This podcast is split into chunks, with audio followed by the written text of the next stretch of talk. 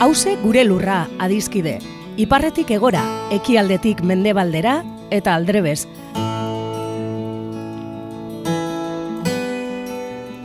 Lurra bakarra dugu edo gaituen lur bakarra da hause. Eta zaintzak dan hori dagokigunez, hemen horretaz egingo dugu berba. Lurraren zaintza kontu ekonomiko, ekologiko eta politikoa da, baita kulturala, kolektiboa eta publikoa.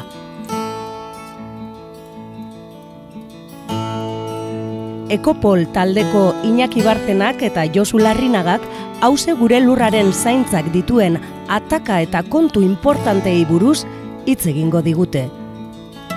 Lurrosoaren erasoak ezin garaitu zezakeen hiri bat ikusi nuen ametxetan. Entzuleok eh, agurtardi hause gure lurra irratza joan gaude berriz ere, eta gaur e, gai korapilatxu batekin datorkigu, Iñaki Bartzena, politologoa, ekopoleko burua, e, kaixo Iñaki, zer da garkizu? Bueno, ba, gaur e, animatu naz, nire lagun baten Adrian Almazan ekologista, ekologista martzaneko laguna, Madildarra, orain azkenengo urte honetan e, Deustuko Unibertsitatean ibili dana, ba, berak eh, asmatu omen du, ba, hitz bat, eh, teknolofilo, ez? Osea, teknofilo izan beharrean, teknologia, teknologiaren eh, filia hori, eh? teknologikoekin nola hitz egin, ez? Hori da, nola bere, bere liburu, azkenengo liburuan, teknika i teknologia, eh, argitaratu duena, eh, aurten, eta azpitutulo moduan, egiten duen galdera da hori, ez? Nola hitz egin e, teknolofiloekin. Eta hori da galdera bera, ba, gaurko irratzaioan guraldetik e, erantzuten saiatuko garena, ez? E, Adrian Almazanek, e, bueno, ba, e, tesi doktorala irakurri zuen e, Jorge Reismanekin, orduan Jorge Reismanen e, da, Eta Jorge Reismanek, filosofo ekologistak, erabiltzen du teknolatria edo teknolatrak, ez? Gauza bera esateko. Hoie dira gure zibilizazioak ezagutzen dituen krisiak eta mugak, teknologia egokien bitartez konponduko direla esaten digutenak, ez? Hoie dira teknolofiloak edo teknolatrak, ez? Eta, bueno, ba, adibide bat, ipintearen, ez? E, gaur egun, ba, energia krisia, energiaren eskazia ezagutzen dugu, edo peak oil, edo petrolioaren gailurra, Ba hori, ba, fusio nuklearrarekin konponduko dugu, ez? Hau da, eguzkiari begira, eguzkian ematen den erreazio nuklearra kopiatuz, esate baterako, ba, bueno, guk hemen, e, txea, e, amalurraren e, bertan fusio hori kontrolatuz eta hidrogenoaren bi atomoak bilduz, ba, bero ikaragarri bat lortuko dugu eta eta energi iturri ia ia amaite lortuko dugu. Hori da, teknokratek edo teknologoek edo teknolofiloek daukaten ametza eta fusio nuklear horretan ba, ba, bueno, behin da berriz eipenten ditugu ba, dirutzak, ez? E, orduan, teknolofiloak bera soluzio teknologikoetan dituzte bere esperantzak eta beste ardibide bat ipinten, e, gaur, e, bueno, gaur egun e, COVID-19 e, pandemiarekin gaudela, ba, nolabait batzuk pensatzen dute, bat txertoaren erabilera masiboan, ba, modu horretan soilik eta printzipalki ba, lortuko dugula e, virusarekin bukatzea, ez? Bueno, teknolofiloek esate dute, bai, bai, e, kapitalismoak beti izan ditu krisi ziklikoak, baina beti asmatu dute zeo zer irauteko, ez? Eta horretan gaude, eta hasieratik bai, e, liburuan bertan e, Adrianek e, azaltzen du, desbernitu behar ditugula teknika eta teknologia, ez? Zergaitik, ba, teknika eta teknologia batera doaz, separa ezinak dira, baina teknika da zientziaren edo artearen edo kirolaren edo eskuntzaren edo beste edozein jardueraren esparruan emat, emaitza bat e, lortzeko, helburu bat lortzeko nolabait dauden arau eta protokoloen prozedura horren multzua da teknika. Eta teknologia aldiz, ezagutza teknikoen multzoa da, zientifikoki ordenatuta, ingurumenerako egokitzapena errasten duten ondasunak eta zerbitzuak diseinatu eta sortzea hori albidetzen duen hori da teknologia, bai eta baita e, pertsonen funtsesko beharrak eta nahiak asetzea hori iztegiaren arabera, ez? E, Adrianek berak e, teknika eta teknologia bereizten ditu, eta esaten digu moduan, ba, gauza bada teknika, hau da, edo zein gizarteak dituen ahalmena tresnak ekoitzeko eta erabiltzeko, eta teknologia, alegia. Gizarte moderno eta kapitalistan soilik dagokion teknikaren erabilpen. Hau da, teknologian sartzen garenean, sartzen gara mundu modernu kapitalistan, eta hor teknikari ematen zaion tratamendu ideologikoa, ez? Orduan, e, bueno, ba, irratxe honetan e, pensatu dut, ba, Adrian Almazanek bere liburuan, e, bueno, lau atal edo lau kapitulu e, markatzen ditu, teknolofiloekin berba egiteko, eta, bueno, hor, kapitulu horien izinburuak e, jarraituko ditugu. Ez, lehenengoa da, teknologiak gizakiak egiten gaitu. Eta, beste modu baten esan da, e, animalien gandik separatzen gaitu. Ba, bueno, ba, ez dakit, e, hori nola baita esan da faltzukeri utza da, ez? Bakarrik, e, e, ez dakit, e, baten batek esaten baldin badigu, ba, e, teknika eta teknologia direla nola baita e, gizakion doaiak, edo guri dagokigun ahalmen edo doai berezi bat, ba, bakarrik e, ikusten baldin badugu, ba, telebistan agertzen diren e, animalien gaineko programak, ba, ikusten dugu, ez ez, ez, ba, animaliak ere oso trebea eh, direla e, teknikak eh, erabiltzeko, bere bizitzan antolatzeko, bai primateak, gure lengusuak, baina baita ere listorrak, edo armi armak, edo egaztiak ere erabiltzen dituzte, ba, ba putre batek hartzen du harri bat, eta erabiltzen du gora, eta botatzen du ostrukaren e, Eskolaren gainean. Bai, eta apurtzeko, ziren bere mokoarekin ezin du, da, edo igarabak eh, hartzen dituzte harriak ere bai, ba, nola bait, eh, oskolak apurtzeko, bueno, denetariko eh, teknikak eh, erabiltzen dituzte animaliek, ezin badugu esan lenguaia gurea dan eh, doai bat, ba, bueno, ba, ba, teknikak eta teknologiak ere, ez, Bueno, teknologia, lehen esan dugun bezala, ulertzen dugu, aro modernoan eta kapitalismoarekin batera nolabait etorritako fenomeno, ez? Bigarren, bigarren e, e, kapituluan komentatzen du beste gai potolo bat eta da nola mamitu egin dugu, nola e, barneratu egin zaigu aurrera kuntzaren aurka ezin dala burrokatu. Ez? E, mundua progresoan oinarritzen da. Eta, bueno, ba, batzutan, ba, irratxa honetan, zuk eta bio ba, komentatu dugu, gure belaunalditik e, urrengora aldaketa nabarmena ikusten ari dela, batez ere klase ertainen egoera sozioekonomikoaren endekatzearekin. Hau da, zerbait apurtu da e, aurrerakuntzaren katean eta gure seme alabek ez dute ezagutuko gu ezagutu dugun edo ezagutu genuen gure gurasoekiko aldaketa progresiboa bai soldata eta rentetan, bai eskubide sozial edo sindikaletan, bai mugikortasun, mugikortasun edo bidaiak edo konsumo material eta energetikoan krisia ezagutu dugu eta aurre, aurrerakundearen mugak ezagutuko ditugu eta nik, nik uste dut argi dago gure seme alabek e, hori gehiago ezagutu dutela, ez? Alan da guztiz ere, ba, bueno, askoren ustez, hau da kojuntura kritiko bat, hm, baina e, e, soluzio bidak etorriko dira, eta etorriko dira, batez ere, teknologia aproposak eta teknologien aurrerakuntzaren bidetik, ez? Bere liburuan Adrianek e, pentsaera progresista, hau da, aurrerakundearen e, genealogia bilatzen du, eta hor topatzen du arrasto nagusia kristautasunean, edo kultura judo-kristauan, hor planteatzen du nola mundu europarrean, ba, gure kultura nolabait naturaren menderatzearekin loturiko pentsamoldeak eta gero ilustriazioaren etorrerarekin ere bai, aurrerakuntza lineal eta beti erekoaren eredua aztertzen du, ez? Horra agertzen dira hiru autore interesanteak bere ustez, bueno, alde batetik Galileo Galilei, teknozientziaren bultzatzaile nagusi bat, beste alde batetik filosofian René Descartes, bere filosofia mekanizistarekin, Eta nola, nola ez, e, Francis Bacon, ez, jurista, e, pintore margolari e, kontemporanea, baizik eta amazazpigarren mendean, Inglaterran dagoen fiskal nagusia eta kanziler handia, eh, horrek bere planteamendu filosofiko eta planteamendu zientifiko horiek programa politiko eta e, imaginario sozial berri batera eramaten du, abianen ustez, eta horrek progreso edo aurrerakuntza e, konzeptuarekin e, beste mundu teknologiko berri horretarako parametroak ipini zituen, ez? Bueno, genealogia honek lagundu behar gaitu ba, jakiteko zer ezkutatzen den bere aurrerakuntzaren bere baitan, ez? E, Jorge Reismanek eta Adrianek esaten duten bezala, hor daude bi perspektiba, iskutuak, baina e, argitara atea behar direnak. Bata esaten dute, bata da intramuros, hau da, e, sistema sozioekonomikoaren barneko dinamiketan, eta hor dago, batez ere, desjabetze eta espropiazioa, hori Silvia Federitzik bere tesil doktoralean, ez, Kaliban eta Sorgina esaten duena, ez, nola desjabetzen diren emakumeak eta batez ere kolonialismoarekin nolabait beste herrialdeak sorginen eizaren fenomeno krudela agertzen da eta hori Euskal Herrian oso ondo ezagutzen dugu.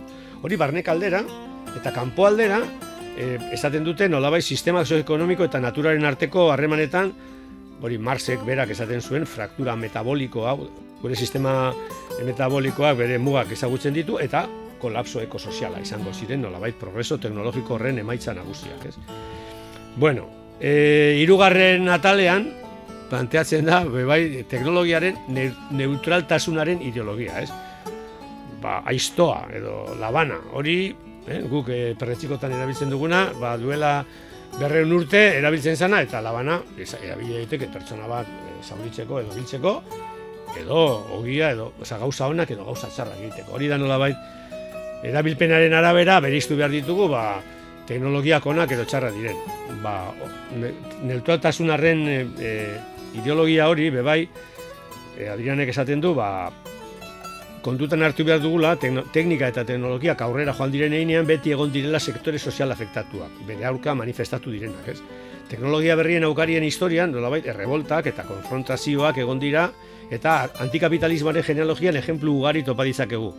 Luditen altzamenduak, hau da, de artizautzatik e, industrialismoari pasatzen denean, egun gintzan adibidez, ez? E, lurrunezko motoreak eta garapen teknologikoekin beti egon dira protestak, eta bueno, gertuago daukagu adibidez, feminismotik datorren e, antizorgailuen kritika, ez? Antizorgailuak garatzen dira, baina garatzen dira emakume gorputzetan erabiltzeko soilik, eta gizonezkoen nolabait e, disfrute sexualerako.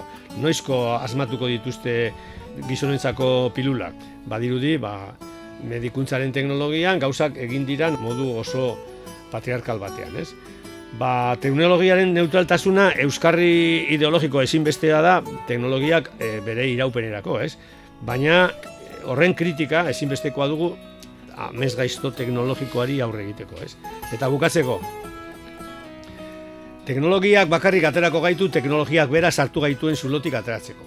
E, ikusten dugu, nora ailegatu garen, ze egoera kritikora llegatu garen, ba, bai zentral nuklearrekin, edo baita ere plastikoarekin, edo baita ere, ez dakit, mila komeriekin, baina liburuaren laugarren eta azkenan kapituluan planteatzen da nola baite, bueno, ba, desaskunde edo simplizitatearen bideak seinalatzen dutenaren aurka, teknolofiloek eta teknolatrek teknologia berrien aurkikuntzan jartzen dutela gure zibilizazioaren jarrepenerako itxaropen bakarra. Hau da, horrela ulertu behar dugu adibidez e, digitalizazioaren azelerazioa edo energia berriztagarrien gaineko irakurketa teknolofiloa. Ez, energia berriztagarriekin e, salbatuko gara. Eta orduan, e, bueno, Espainia osoan, e, lurralde guztietan, epini behar ditugu e, aizerrotak eta eguzki, bueno, ez, bueno, beste adibide bat ipintzearen, hidrogenoarena, ez, orain badirudi, hidrogenoa berpiztu dela eta hidrogenoaren erabilera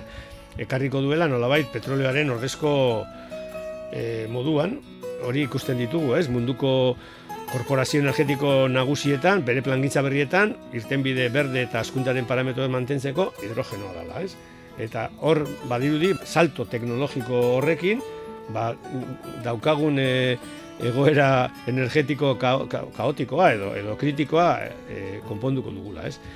Bueno, Bukatzeko askotan esan dugun bezala irratxa honetan, ba, krisi sozioekologikoari aurre egiteko aldaketa kultural edo aldaketa antropologiko bat ezinbestekoa da.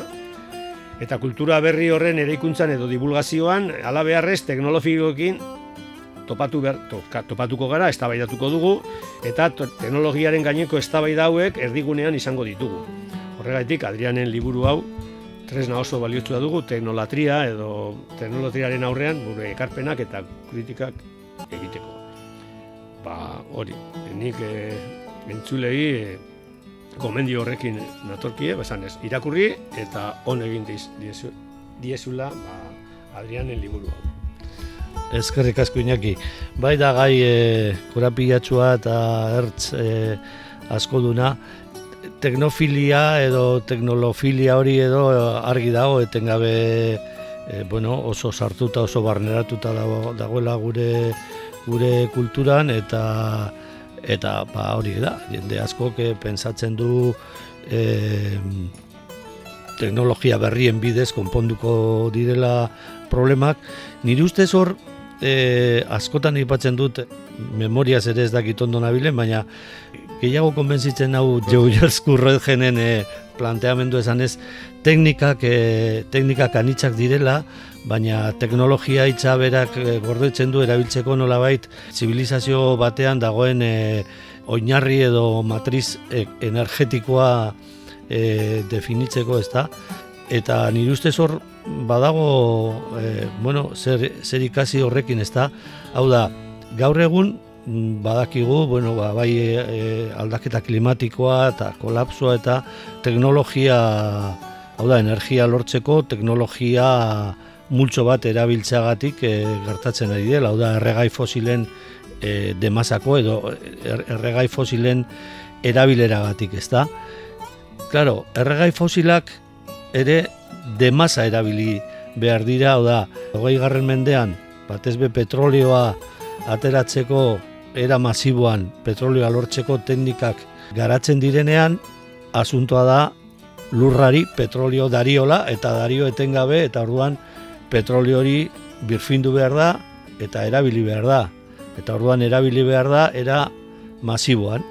Ez dakit egon ote ziteken beste modu bate petrolioa pizkanaka pizkanaka ateratzeko lurrazpitik eta pizkanaka pizkanaka erabiltzeko. Ez da, kontua da era masiboan erabili izan dela eta horrek ekarri duela ere teknika askoren garapena askotan ba altzelako, ez da?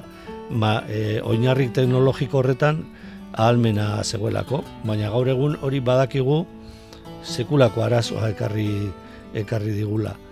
Eta teknika berriekin ez, ez dela konponduko, osea, hau da, orain oinarrik teknologiko berri batetara joan nahi danean, energia e, berriztapenagarrenekin, inok ez du planteatzen bale, baina hau irauteko, hau funtzionatzeko askozaz energia gutxiago konsumitu behar dugu.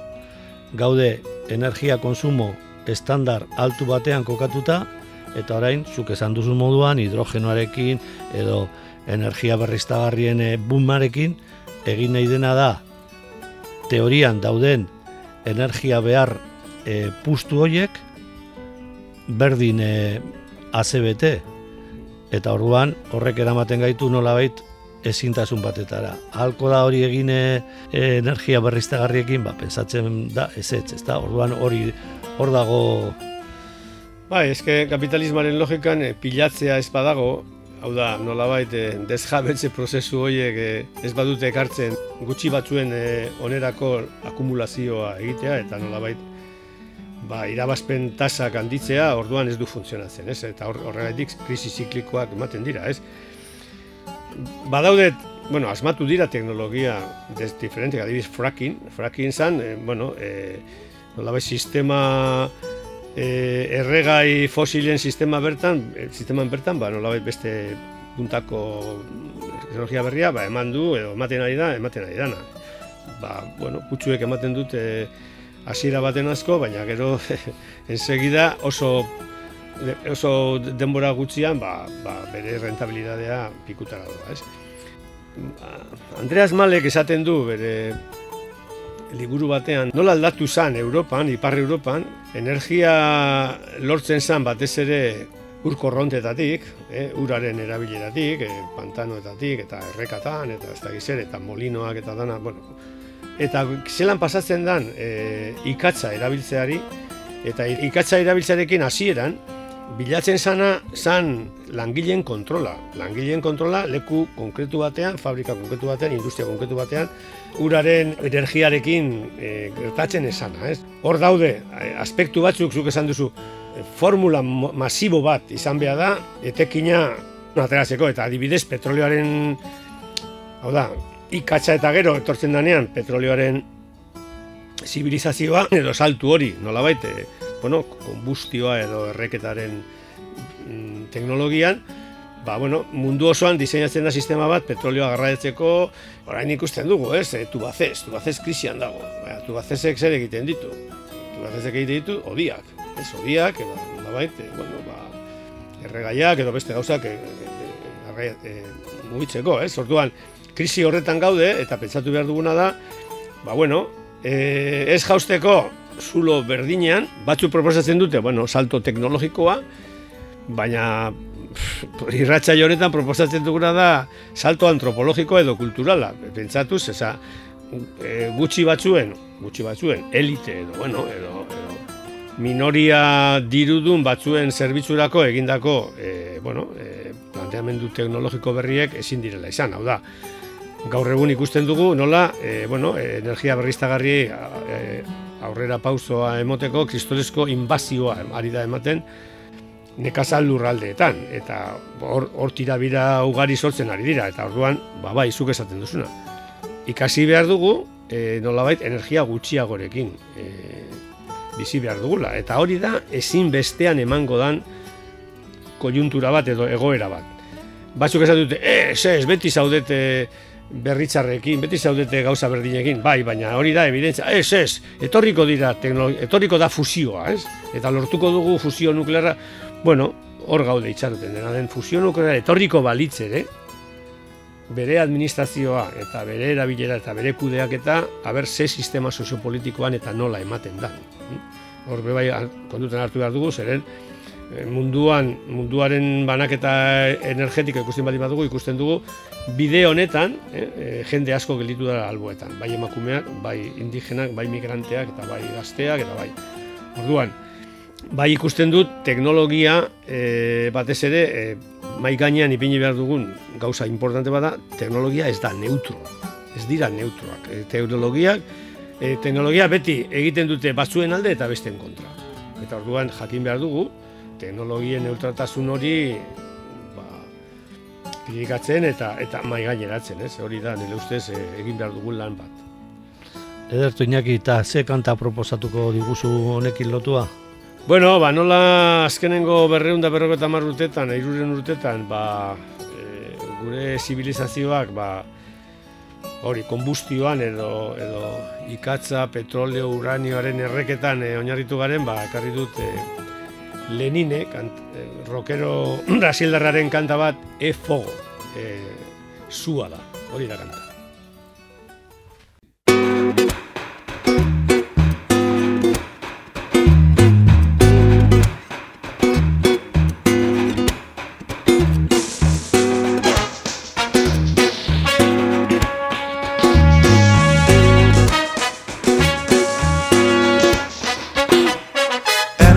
De apocalípticos, de meros hips com um falso alarme. Economistas, médicos, políticos apenas nos tratavam com escárnio. Nossas visões se revelaram válidas e eles se calaram, mas é tarde. As noites estão ficando meio cálidas e um mato grosso em chamas longe arde. O verde em cinza se converte logo, logo. É fogo, é fogo, é fogo. Éramos uns poetas loucos, místicos, éramos tudo que não era ação. Agora são contados estatísticos os cientistas que nos dão razão. De que valeu, em suma, a suma lógica do máximo consumo de hoje em dia. De uma bárbara marcha tecnológica e da fé cega na tecnologia. Há só um sentimento que é de dó e de malogro. É fogo, é fogo, é fogo. É fogo. É fogo, é fogo, é. Doce morada bela, rica e única, dilapidada só como se fosses a mina da fortuna econômica, a fonte eterna de energias fósseis. O que será com mais alguns graus Celsius de um rio, uma baía ou um Recife? Ou um ilhéu ao léu clamando aos céus se os mares subirem muito em Tenerife? E dos sem água, o que será de cada súplica, de cada roubo? É fogo, é fogo, é fogo, é fogo, é fogo,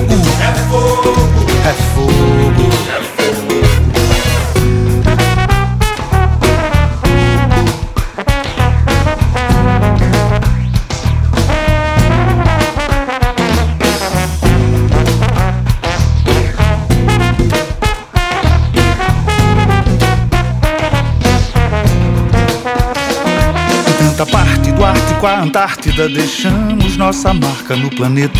Aliviemos já a pior parte da tragédia anunciada com trombeta. O estrago vai ser pago pela gente toda. É foda, é fogo, é fogo, é fogo, é fogo, é vida em jogo. É foda, é fogo, é fogo, é fogo, é.